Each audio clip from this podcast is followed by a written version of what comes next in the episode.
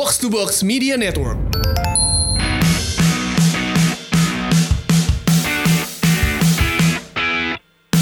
Hari ini di Box to Box Podcast kita akan membahas preview pertandingan weekend nanti di Liga Inggris, Serie A, La Liga dan juga mungkin Liga Brojonegoro juga boleh ya kalau ada. Dan kita juga akan membahas juga pertandingan kualifikasi Piala Eropa 2020. Siapa yang memainkan pemain muda terbaru atau siapa dengan pemain termahalnya berada di timnas tapi kalah. Kita cari tahu di Box to Box Podcast. Assalamualaikum warahmatullahi wabarakatuh. Waalaikumsalam. Selamat uh, malam, selamat pagi, selamat sore bagi yang kalian mendengarkan uh, mendengarkan di kendaraan umum Metro Mini, Kopaja, Channel 1 C13 ya kan, KWK B04 atau mungkin lagi masa kini naik MRT, selfie-selfie ya kan. Mending kalian mendengarkan podcast kita saja. Selain box to box juga ada box out, ada showbox, ada asumsi, ada obrolan babi bu, ada umpan tarik, banyak ya kita ya. Curang. Tapi pada malam hari ini ada gua Tio yang bertugas sebagai uh, mengal apa ya yang bertugas untuk mengalirkan acara karena Pangeran Siaan sedang absen uh, cedera hamstring di tackle sama Mbeng Jen Mambalau ya. Di sebelah kiri saya sudah ada Rana Ditya Alif. Rana apa kabaran? Baik, biasa nih infal, Pange nggak ada. Kebetulan habis nih box out mau take juga, jadi diajakin sama Bos Tio. Jadi jangan lupa dengerin box out juga ya, gila. Tapi nggak ada Amor nih, nggak ada Amor. Oke, eh, Coach Justin apa kabar Coach? Eh, suara saya masih kayak Terminator. Yes, Terminator. I'll be back. Terminator apa Six Minator ya kan? Flu emang kampret nih flu. minum obat coach, jangan minum Coca-Cola dulu. Nah itu dia gue nggak bisa minum obat iya tapi Coca-Cola Coca-Cola, deh, tetap jalan. Coca-Cola anget nih coach. Coca-Cola yang sama kayak minum baygon kali. Dan di sebelah coach Justin ada editor in chief dari uh, goal.com Indonesia. Editor in chief kan bener kan Gung? Iya betul mas. Nyala nggak? Mic, mic coba nyalain dulu. Mic coba nyalain dulu. Gimana nih Mas Agung? Oke, udah nyala belum? Coba nyalain. Tes tes. Ya cakep, bener ya. Ketahuan newbie-nya ya. Nah, aduh, kan newbie handal di uh, mengetik dan menulis suatu uh, berita tapi tidak handal dengan memegang mic ya. Iya iya iya. Mas Agung gimana apa kabarnya nih? Baik alhamdulillah. Manggil Agung apa HW enaknya? Di bebas. Bebas ya. Boleh, boleh. Gimana di goal.com apakah ada yang menarik lagi timnas uh, umur 22, 23 Iya gitu lah? baru ini kan baru habis ada teman kan Rais kan baru balik dari Hmm. Hanoi dan menariknya kan memang memang uh, walaupun babak belur tapi Indra Syafri masih It- itu yang gue mau denger baru dia bokobok gitu dong.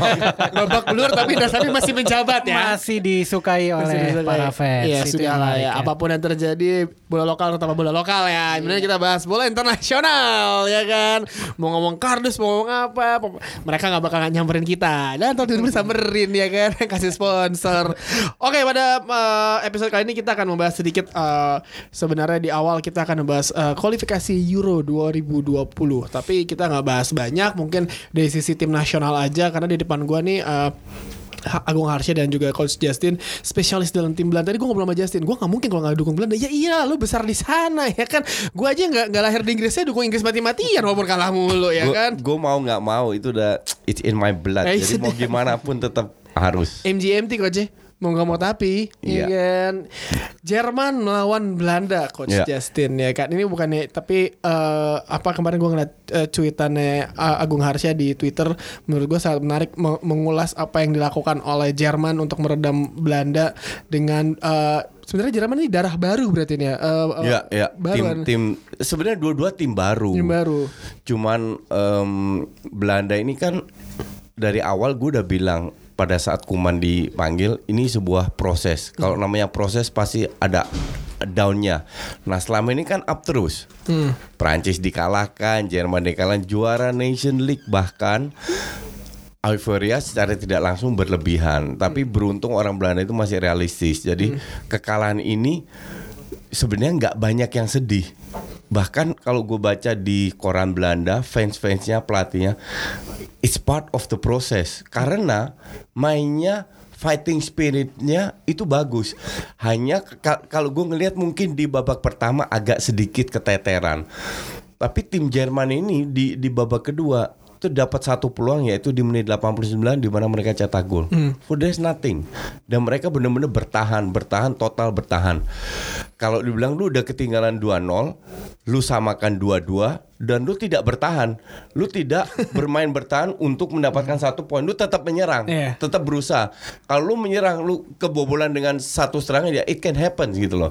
Ma- maka dari itu tidak ada kata negatif di koran Belanda, pers Belanda mana pun dan gue tetap optimis eh, Belanda akan lolos. Ya Belanda sama. Jerman Ya. bisa lolos lah. Eh, Iya. Karena kan setelah melihat eh, Piala Dunia 2014 sukses ya kan Louis Iya. van Gaal itu mungkin generasi terakhir Robbie van Iya, Persie iya, dan iya, kawan-kawannya iya, iya, habis iya. itu Habis itu hancur eh, habis dua- itu dua kan kali. emang ya bukannya Belanda selalu gitu ya. Belanda selalu kayak lo bagus sih timnya habis itu kayak wah generasi mana lagi nih yang datang bener Tapi yang menarik ada satu generasi yang bisa dibilang hilang ya. Kalau kita lihat di Belanda antara generasi Robin van Persie yang lahir tahun 84, 83, yang sang, yang di generasinya Messi 87, 90 tuh nggak ada crop yang istimewa. Jadi emang ada gap itu dan sekarang itulah yang diisi sama generasi berikutnya di timnas Belanda di bawah Koeman. Iya, Dem- Memphis Ya. Depay, eh, Wijnaldum, Itu gue udah sel- selalu bilang ada generation gap Hmm. dan itu pemain kayak Ibrahim Afellay, Ricky van Ah, Wolfswinkel, iya, iya, Leroy iya, iya, Fer. iya, iya.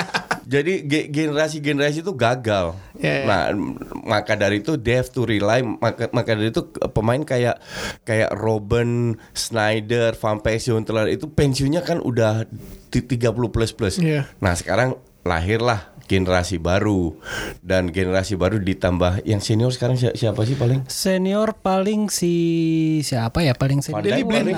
Bukan Wijnald- eh, Van Dijk kan baru 25 caps kan 26 sama Jerman. Enggak umurnya Oh umurnya. kalau umur sih Blin ya. Blin tuh kan main dari 2014 main kan ya. eh, si Lesen 29 Silesen. ya. Kalau Blin 27 ya. ya? 27. Strootman yang masih ada di bench. itu Ya. itu Iya, bench. Iya. Itu bench. Pemain kayak Strootman, De Vrij itu bisa di bench loh. Iya. Dan dan penggantinya itu memang bagus bah, bahkan pemain kayak De Roon yang nggak begitu kelihatan tuh main main bagus. Gue mau nanya deh, by the way, em, sebagai orang yang nggak terlalu ngikutin timnas Belanda ya, mungkin ke coach habis itu ke Agung ya. Kalau itu kan dari sisi pemainnya, kalau dari gaya permainannya di bawah Kuman tuh perbedaan terbesar dibanding yang sebelumnya itu apa? Le- lebih direct football. Lebih langsung. Le- lebih langsung ka- kalau dulu zamannya Van Gaal, Van eh, Van Gaal dan Van Marwijk kalau Van Marwijk itu kalau gue bilang lebih reaction football, tidak mengambil inisiatif. Itu Kalau sekarang- antitesisnya Belanda yang biasa. ya? Iya. Kalau sekarang kalau Van, Van Gaal itu kan benar-benar mencoba merusakkan organisasi lawan dengan melakukan sirkulasi bola cepat dari kiri ke kanan. Iya. Tapi kalau sekarang benar-benar direct, berani passing lewat tengah, kombinasi di depan, tapi jarak antar pemain tidak terlalu jauh sehingga counter attack itu gampang diantisipasi. Cuman satu hal orang lupa bahwa sebenarnya kualitas pemain Belanda ini biasa aja. iya kan? Se- sebenarnya yang top itu kok bener-bener pokok kalau lu tanya gue sekarang paling gue bilang Van Dijk doang. Yep. Yang yang lain belum terbukti, De Jong belum terbukti, De Ligt belum terbukti, Depay tahu sendiri kayak gimana, Wijnaldum juga hebat karena teman-temannya di Liverpool hebat dan mere- mereka mungkin bagus ya, beberapa pemain bagus, tapi nggak ada yang top. Jadi dengan prestasi yang sekarang kita harus realistis, itu sudah luar biasa. Ya plus juga Ryan Babel di Ba Fulham Babel ya. lagi.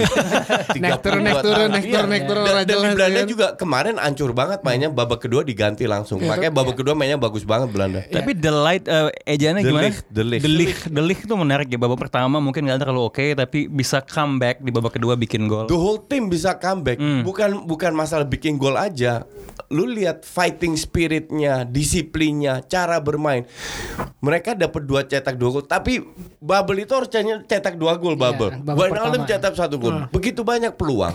nah itu yang penting peluangnya. Nah ini perubahan babak kedua gue ngeliat yang tweetan lo di Twitter yang lo jelasin eh, apa yang dilakukan sama Belanda untuk nge-counter yang dilakukan sama Jerman eh, sedikit menarik nih gue mungkin Iya. lo lebih bisa menjelaskan nih. Ya sebenarnya kan game of two halves dan eh, Jerman nih kalau kita lihat juga di waktu di Nations League eh, waktu lawan Prancis lawan J- lawan Belanda juga dia eh, bermainnya nggak konsisten. Bagus 90 menit. Ada periode di mana dia bermain jelek.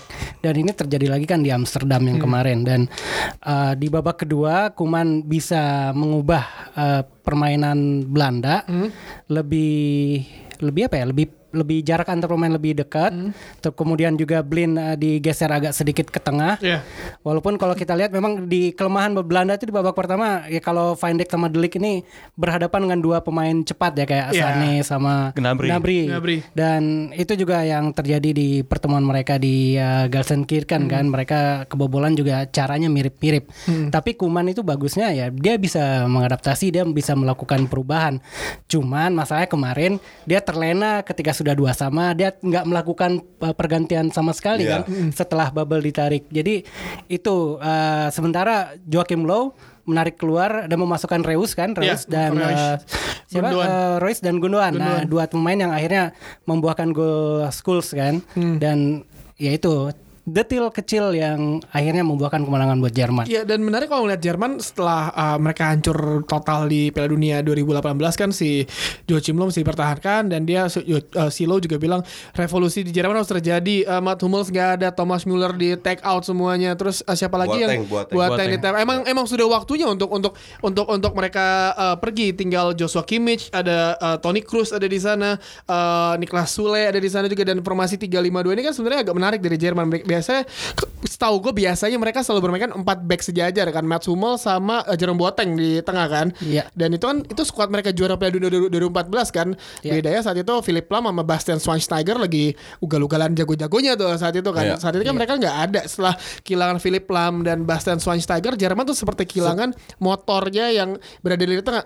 Bastian Schweinsteiger matiin Messi anjing di final Piala 2014 ya kan. Sebenarnya ka- kalau lu lihat tim yang di Nation Cup itu kan tanpa tiga pemain.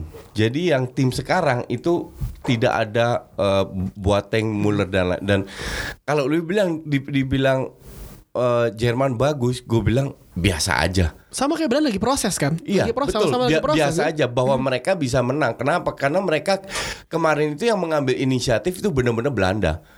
Bel- yang Jerman lakukan adalah reaction football, reaction terhadap, terhadap kesalahan yang dilakukan Belanda.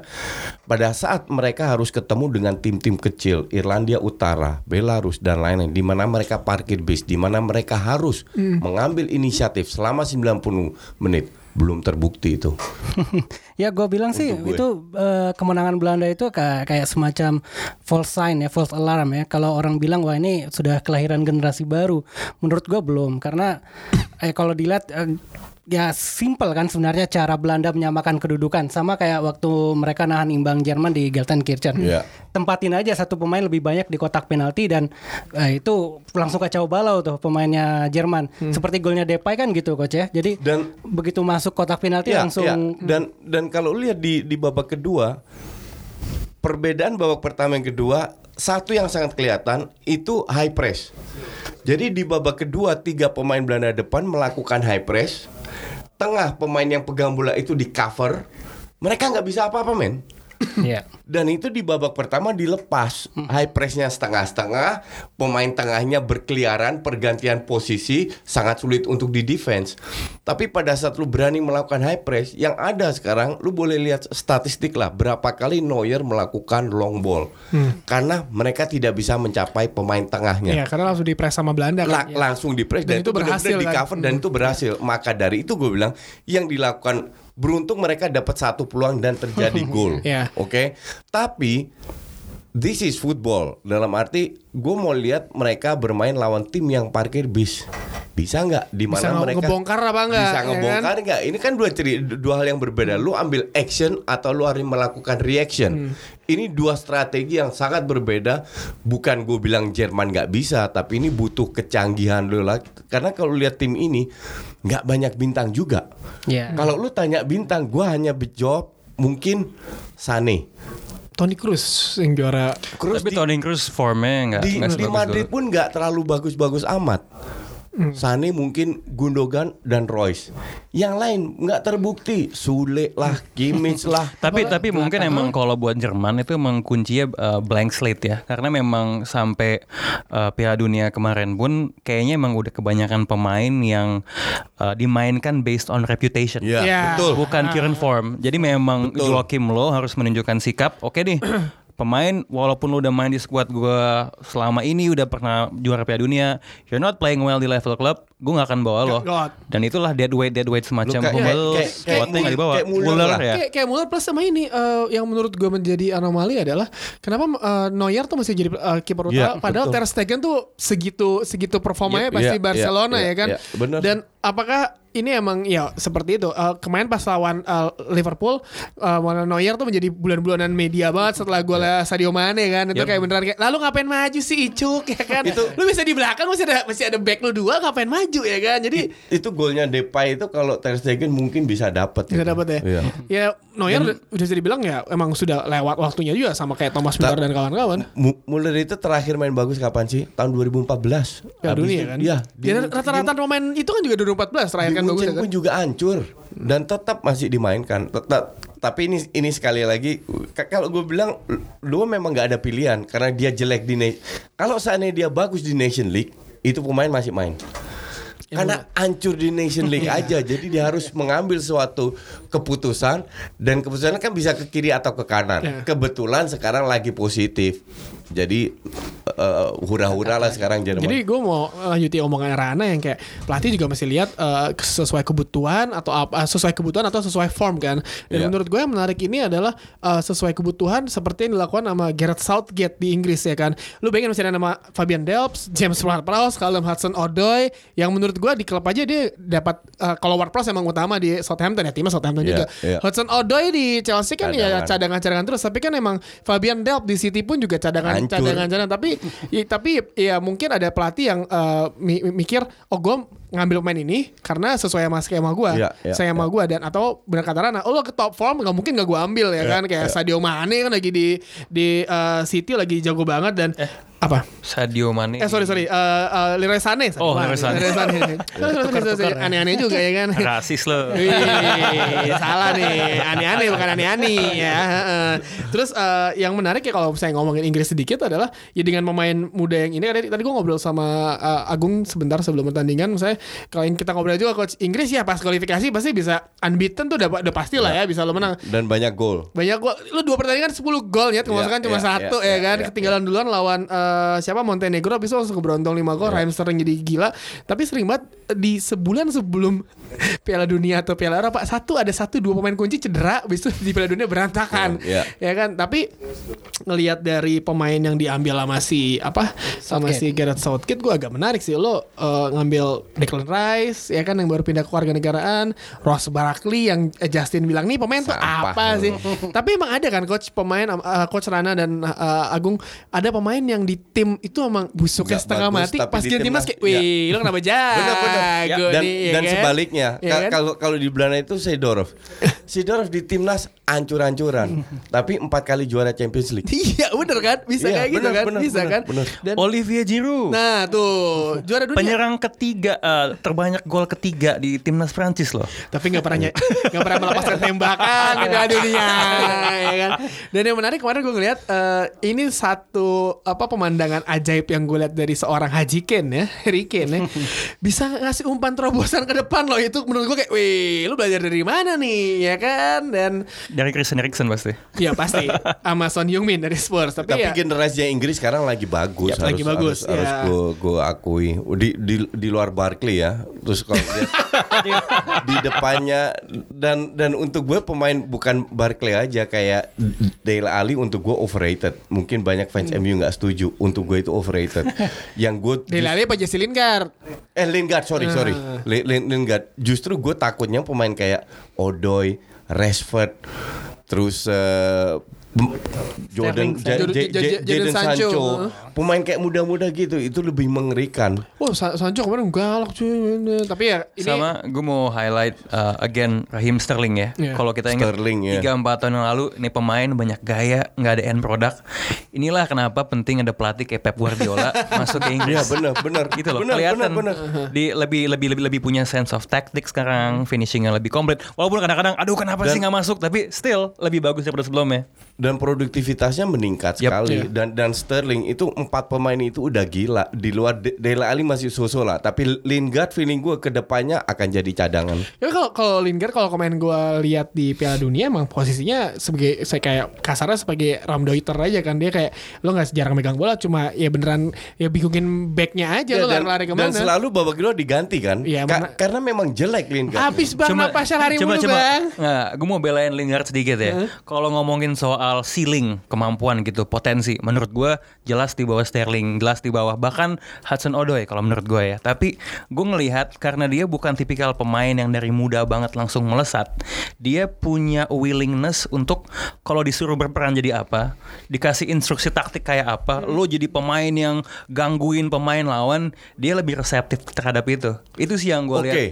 gue gue setuju. Cuman kan karena pas-pasan jadi tot so far dia bukan pemain yang bisa memberi nilai tambah pada Hmm. Bukan saat, match winner ya. Bukan. Iya, pada saat tim ngedrop atau Hmm. atau pada saat harus cetak gol. Pada posisinya itu di belakang striker loh. Dan Hmm. dia harusnya punya skill. Cuman ini anak kalau kalau gue bilang terlalu songong, ter- terlalu ugal-ugalan. Kalau buat gue humble justru, tapi nggak apa-apa. ya. Enggak. beda beda beda. seru nih seru nih. Justru kalau lu bandingin dengan Rashford lah contoh yang yang satu tim. Rashford jauh lebih low profile. Ini karena di Instagram ada dance floor itu coach ya? Oh enggak.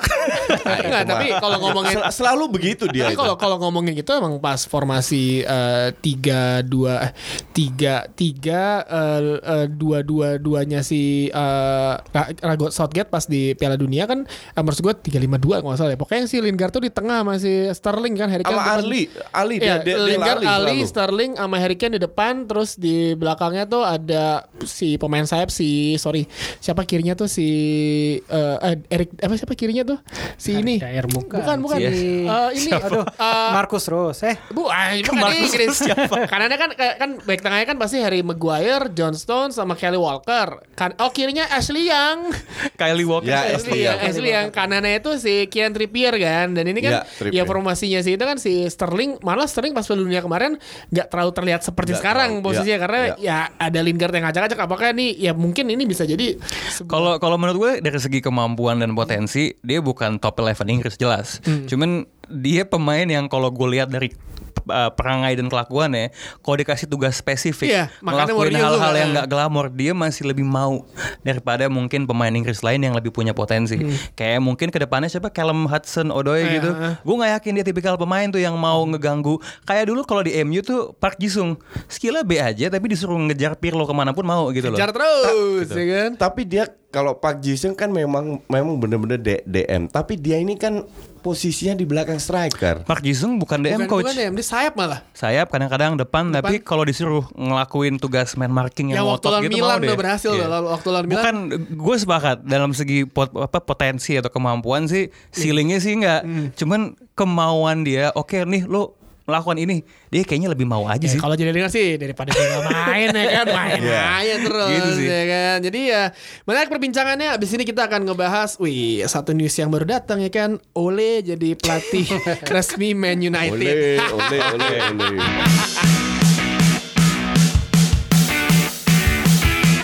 Ya kalau tadi saya bahas timnas Inggris saatnya kita menuju ke Liga Inggris. Sedap ya kenapa Liga Inggris? Karena ada eh, news yang baru keluar. Gue juga kaget gue lagi meeting, weh jadi pelatih nih ya kan. Gue pikir nunggu packer musim ya kan. Oleh Gunnar Solskjaer akhirnya menjadi resmi menjadi pelatih Manchester United. Ya setiap orang pasti punya pendapat berbeda-beda karena ini yang fans MU cuma gue doang, dua Arsenal, satu ini fans Liga Belanda ya kan. yang gue juga nggak tahu timnya apaan ya kan. Eh, pasti semua orang punya eh, komentar masing-masing. Dimulai gue cuma mau dengarkan di awal dulu dari eh, Agung Harsha nih komentar lo sebagai chief editor dari goal.com tentang penunjukan Ole Ya pengumuman yang menyenangkan semua orang aja sih. Jadi memang sudah ditunggu-tunggu, mungkin memang sudah layak bagi Solskjaer untuk memperoleh kepastian itu setelah berapa lama? Tiga bulanan Tiga ya bulan, untuk menjadi uh, pelatih caretaker. Cuma kan trennya sebenarnya kan sudah mulai Menurun. gonjang ganjing Heeh. nih. Lawan PSG kan sebenarnya ya lolos Lots karena of luck sih, Ya, benar. Plus dan- sama emang semangat aja lo sampai akhir ya, Ya, kan. itu dia. Jadi ya kita lihat lah mungkin secara secara secara apa ya, secara persona, secara karisma dia bisa menyatukan pemain-pemain United apalagi eh, pemain United kan masih masih apa ya? eh, dia dia membawa auranya Sir Alex Ferguson memang eh, dan tidak bisa dipungkiri dan eh, suasana di Old Trafford itu kan memang masih masih eh, di bawah bayang-bayangnya Ferguson Pasti. gitu. Aura dari dalam arti sisi non teknisnya. Iya, sisi Hanya non-teknis, auranya. betul. Karena Apalagi- strateginya masih jauh di bawah Ferguson.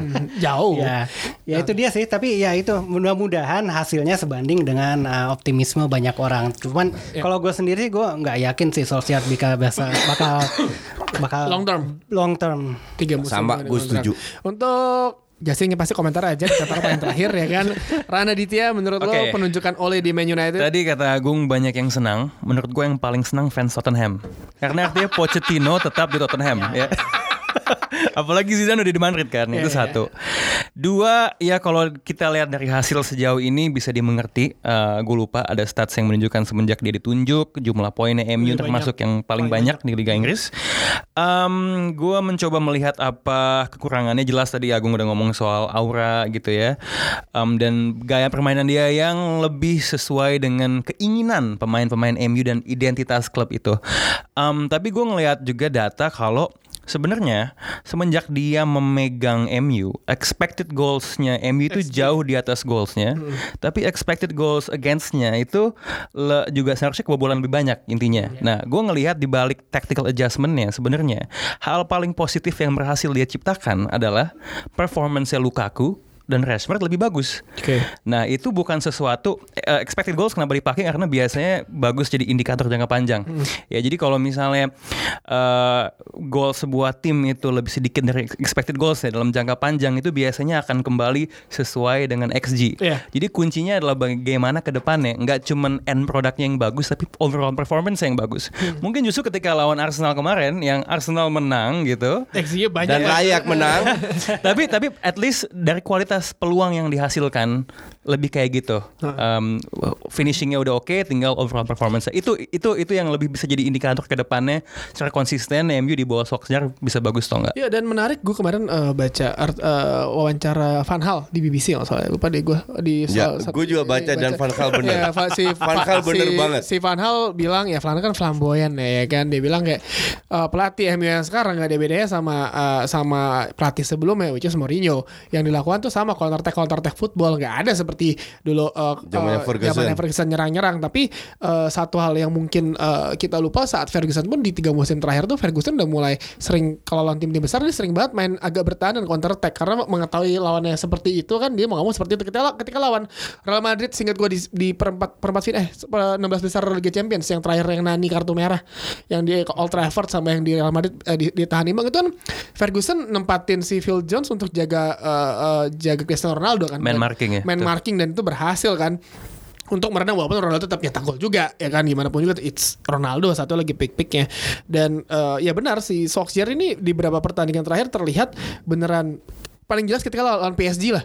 Lawan PSG itu beneran terlihat lo ya lo dengan squad yang ada McTominay Andreas Pereira Fred ya kan lo pilih tengah lo lawan lo adalah uh, Marquinhos ya kan ya. Terus uh, Marco Verratti lo mau ngapain ya kan lo main bertahan lo counter attack dan itu berhasil uh, yang si Rashford tuh bilang kayak uh, Lukaku bilang Rashford tuh udah bilang sama Lukaku setiap kali gue nendang lu siap-siap karena emang dia nendang dan dia berhasil akhirnya itu jadi tiga setelah itu, itu itu blownya Tuchel aja. Iya. Tunggu tunggu tunggu Coach Justin, gue balikin nih. Tio, lu sebagai fans MU perasaan lu gimana? Iya, betul. ini Coba. kan gue mau jawab Oke, silakan silakan. ya kalau naik fancy mah seneng Ah, ah, ah. tapi ya emang ya bener kata si Rana lu mesti rea, mesti mesti realis eh mesti kata Agung lu mesti realistis kalau long term gue melihatnya kalau misalkan as long dia bisa menjaga yang sekarang kalau secara gue fans ya kalau gue fans pribadi gue ngelihat suasana kayak lu pas lu zaman David Moyes, Louis van Gaal, Louis van Gaal sebenarnya gue nggak ada masalah pas lawan Louis van Gaal. Ya walaupun suka ajaib mainnya tapi mesti attack attack attack. Dan gue yang gue demen dari van Gaal adalah van Gaal tuh sering banget ngasih ke pemain muda. Siapa mah eh, pemain muda beneran dimainin semua sampai McNair siapa lah. Rashford tuh dari Louis Louis van Gaal kan. Iya, iya. Mourinho, Mourinho di musim pertama kita kita sempat ngobrol kan coach Iya. anjing nih bisa bagus nih mainnya nih nyerang-nyerang Bagus mulu. malah. Parah. Pas Pogba cedera. Pas Pogba cedera ha- hancur. pusing tuh Mourinho langsung egonya keluar balik lagi bertahan bertahan bertahan dan pas ya mungkin sebagai fans Solskjaer masuk ya lu kayak anjing akhirnya ya udahlah ya lu balikin suasana happy dulu aja terus ketika jujur ketika waktu lawan Arsenal menang gue kayak ya kalah lagi. Tapi nggak sekesal ketika ah, pas zamannya Mourinho nyet lu kalah nih lu kalah. Tapi main lu kayak gitu kayak anjing lu Kayak apa sih? kayak lawan kayak, kayak lawan Liverpool. Ya, Liverpool ya kan? Kayak nih yang lu nyetak gol oke tapi kayak lu bisa nyerang lu tuh bisa nyerang. Gue sampai gemes gitu. Tapi kalau misalnya ini pas lawan Arsenal kan beneran wah lu nyerang nyerang nyerang Iya, aja iya, lu kebobolan pun ya udah tapi lu ngambil resiko ngambil resiko nyerang nyerang nyerang kalah pun ya udah. Dan yang gue ingat ketika kalah Mourinho itu waktu lawan Juventus yang diuturin mendadak yang tiba-tiba menang. Itu kayak, eh menang tuh gue nggak ngarep dia menang ya. Itu penalti. Besok menit terakhir kayak eh dia menang ya kan? Menurut gue tuh kayak oh ya udah. Kayak menang tapi kayak kok ada yang kurang ya? Gimana nih ya? Kayak eh menang tuh ya ya. Tapi kayak oke oke. Kalau misalnya fans kayak wah ini menang. Ya tuh lihat mainnya deh. Lihat mainnya deh. Kayak lu gemes sendiri. Gue gemes sih gue segemes itu. Tapi kayak lan oleh ya udahlah ya. Ekspresif banget yo. ya udahlah ya ya kan ya udahlah ya Yuk, yuk, yuk. Gue punya pertanyaan lagi deh. Eh, Oke, sekarang udah ada Ole kan. Nih lo ke depannya salah satu hal yang dulu dikeluhkan sama eh, fans MU sama mungkin juga di di blame sama Mourinho adalah peran ownershipnya dalam menentukan siapa eh, bukan ownership siapa Ed Woodward ya. Nah ini, nah, ini ini ketika si Mourinho caps nih, ini kayak semua orang yang uh, pernah megang MU ngutuk nih. Lu bayangin abis Mourinho caps itu David Gill itu datang ke uh, ke Carrington. David Gill, Sir Alex meeting sama Ed Woodward. Kayaknya ini dua, ya saya dulu kan nggak bisa bohong lah, yang bikin United sebesar sekarang David Gill sama Sir Alex ya, ya, kan. ya. Uh, Gla- keluarga Glazer itu terlihat kayak ya udah yang penting gue udah dapat duit lah ngerti nggak? Iya, Ya pasti kan mereka, biasa. Amerika lah terus kayak dua orang ini kan emang ngeliat lu anjing lu ngacak-ngacak tim gue lu ya Eh, sebelumnya tuh si si ini pasti si Woodward kan udah tahu resikonya lo ngambil Mourinho kan Eh, Iya. lu bayangin Van Hal habis eh, juara Piala FA tapi eh, si Ed Woodward tuh ternyata udah tahu dalam enam bulan sebelumnya itu si Luis Van Gaal tuh mau diganti sama Jose Iya, Mourinho. iya, iya. Ini kejadian sama kayak Bobby Robson di Barcelona. Karma gue rasa dia ya. Karma gue rasa ya kan Bobby Robson di iya, Barcelona iya, ya iya, kan. iya. Jadi eh, ya Van Gaal diganti eh, terus eh, ya si Ferguson sama si ini langsung datang ke Ed Woodward kayak beneran kayak lo mesti hati-hati nggak nggak nyari pelatih dan saat itu yang menurut gua dan keputusan gua gak ada yang nyangka mau ngambil oleh saat itu. Gua sebagai fans pun anjing siapa yang gantinya Mourinho dia Yang yang digosipin kan si Giggs lah, Zizu, Scholes lah, Iya. Zizou lah, Lampard lah, nah, apalah. Salah satu keputusan Ferguson ngambil oleh karena dia pernah di Molde. Hmm. Ya lo tau lah maksudnya lo kalau cuma short term pelatih doang kan lo nggak tahu gimana cara. Ya kalau Jesse pernah bilang fleksibilitas eh, ininya dan oleh terlihat di beberapa pertandingan apa Ya, pertandingan 8 match pertama. apalagi pas di lawan PSG yang kalah di Old Trafford oleh tuh sebenarnya seperti nggak tahu mau ngapain ketika Iya, timnya ketinggalan kayak eh bro mau ngapain bro ya kan abis itu Hmm. kayak emang Justin pernah bilang kok Ja- bos Justinnya pernah bilang lo masih kalah dulu baru tahu cara gimana tim lo menang Iya, dan iya. dan setelah itu Ed Woodward segi- sed- sedikit agak melunak dan ya dia lebih eh, leb- ya sekarang Ferguson sama David Gill udah, tur- udah, udah turun tangan ya semoga si Combro ini ya yang kerjanya kalau ke London kerjanya party mulu ya kan eh, agak bener lah mikirnya ya. Enggak sebenarnya kalau gue bilang manajemen MU pun nggak punya banyak pilihan. Iya, iya, Da- da- dalam arti Sisu udah balik.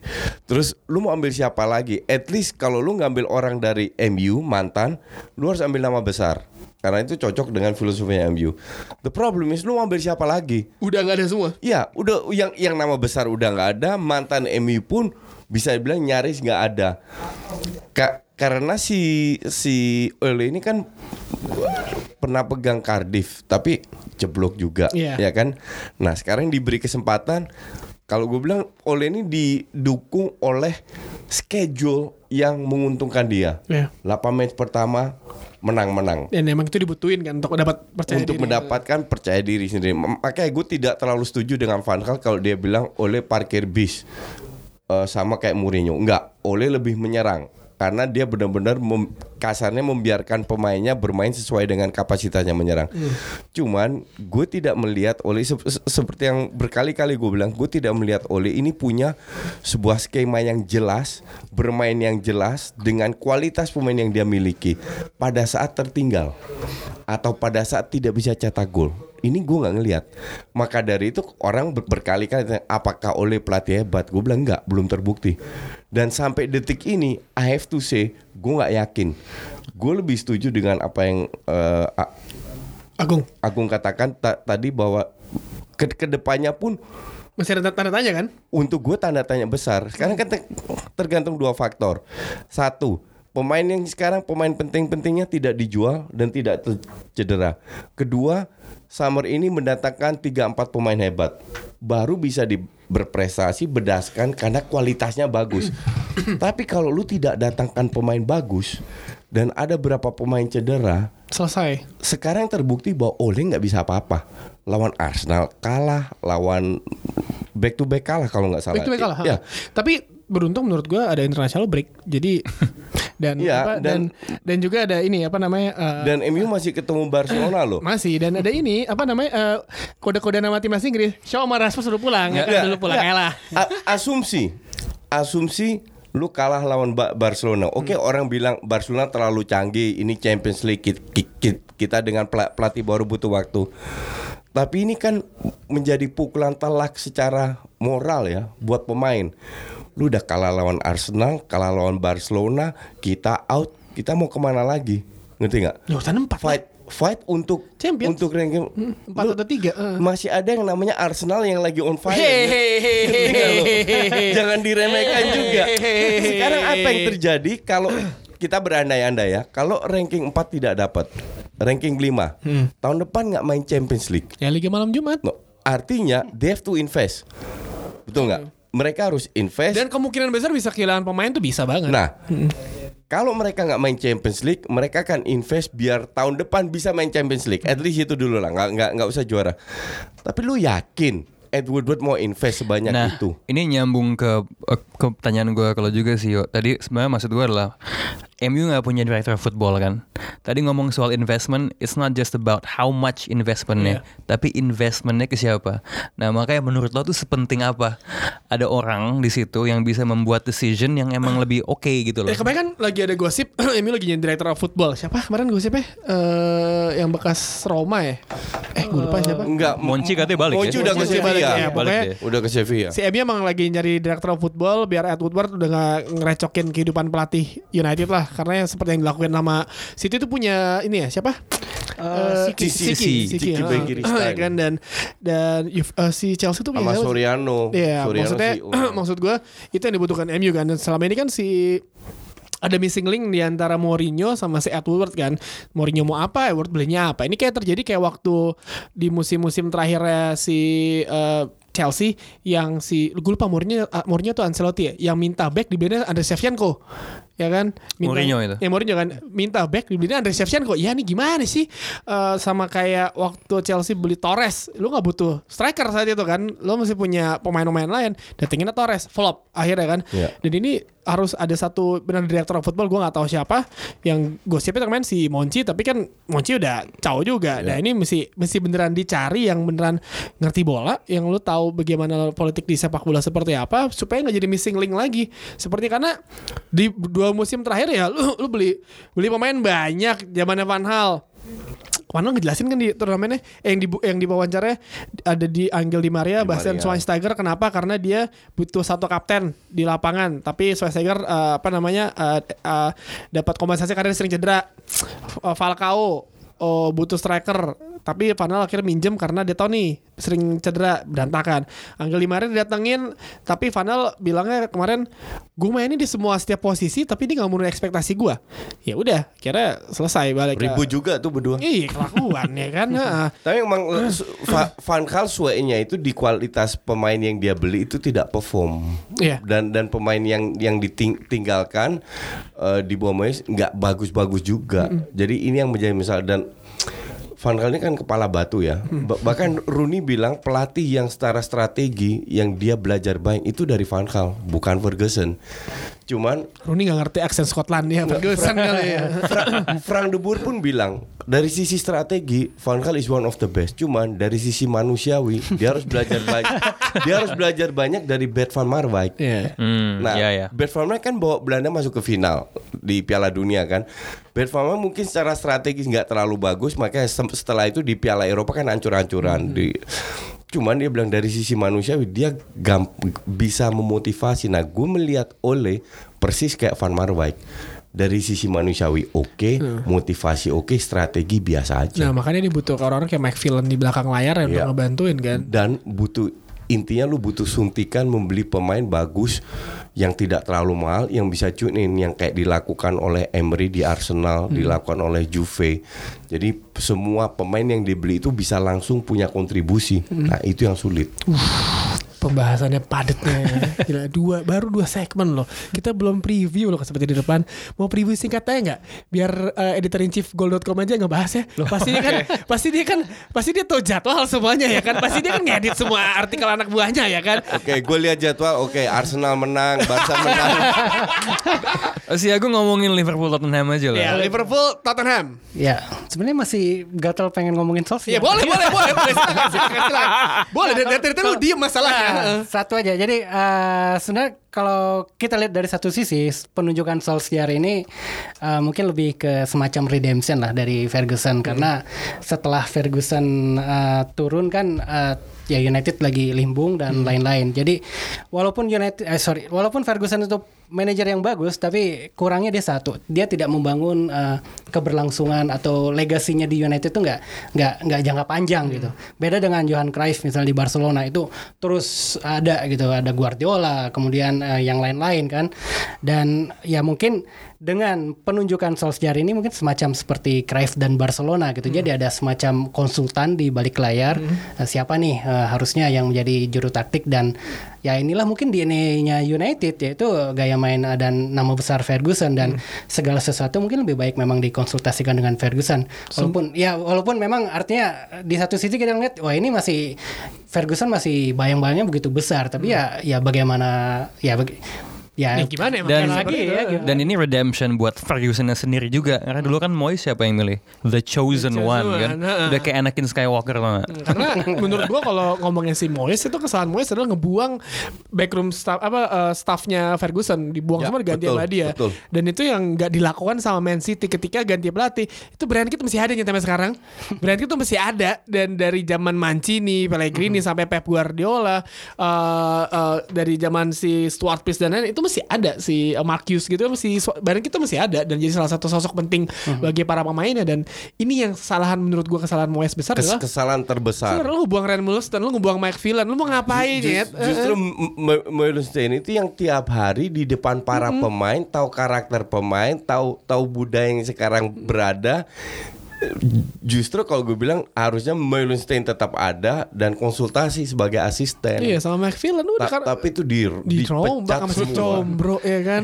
Karena tiga tahun tiga musim terakhir emang Mulston sama si Mike Villan yang megang eh, taktiknya si eh, Yang latihan daily latihan di lapangan itu mereka. ya kan. Jadi Nah itu menarik kalau di NFL ya, gue agak keluar jalur bendak. Itu ada istilahnya coaching tree. Jadi pelatih menelurkan pelatih-pelatih di bawahnya. Nah kalau dilihat mungkin Cruyff tuh di bawahnya ada banyak uh, pemain yang jadi pelatih gitu. Ferguson, berantakan semua. nah yang lucu adalah uh, pemainnya banyak yang jadi pelatih, tapi nggak ada yang di MU nggak ada yang sukses malah. gitu. Nah justru tadi tuh asisten pelatihnya yang tadi Iya. Five Villain, Mullenstein itu yang nggak nggak pernah dipromote ke atas gitu. Jadi ya agak aneh sih lo pemainnya berantakan semua. Ya tadi soal Ole Gunnar Solskjaer kepanjang ya ngomongin Solskjaer. ya. Tapi kalau ngomongin Premier League atau Liga Inggris di akhir pekan ini kita ada pertandingan yang panas ya. Liverpool lawan Tottenham ini kalau ada pangeran pasti pangeran senang banget nih. Berharap Tottenham menang ya kan. Tapi sekali tiga uang juga kalau Tottenham menang dia susah juga turun dari urutan 4 ya kan. Beli tiket bisnis ya kan. Kalau menurut eh, goal.com gimana nih, Gung?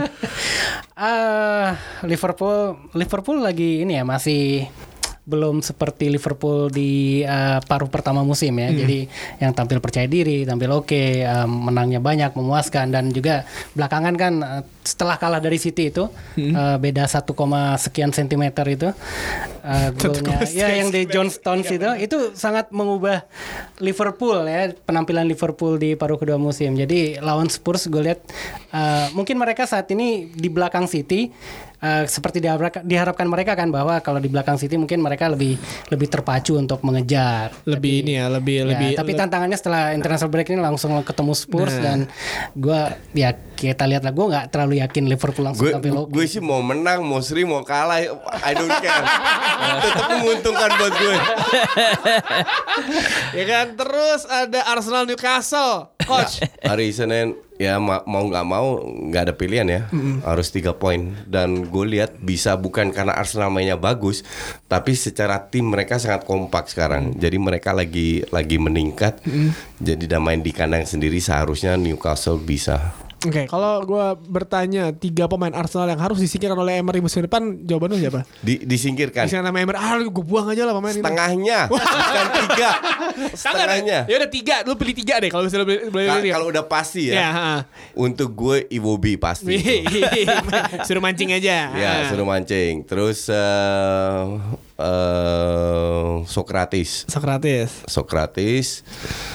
Terus eh, di depan udah enggak eh, ya mungkin Montreal ya karena Montreal. terlalu tua.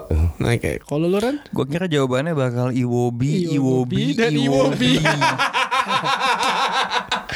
Tapi lah Newcastle yang eh, si Rafa Benitez kemarin lagi boleh juga ketinggalan 2-0 lawan Everton tiba-tiba balikin keadaan ya. Jordan Pickfordnya goblok ya kan gitu. Eh ya Arsenal seharusnya menang. Seharusnya kayak Hiu bisa lihat darah lah. Hmm. Eh, Fixture listnya dibanding tim-tim lain ke depannya bisa dibilang secara kualitas lawan paling mudah. Hmm. Nggak ada alasan untuk kendor kalau emang mau bisa dibilang lebih bagus dari musim lalu. Hmm. So I expect them to get the result.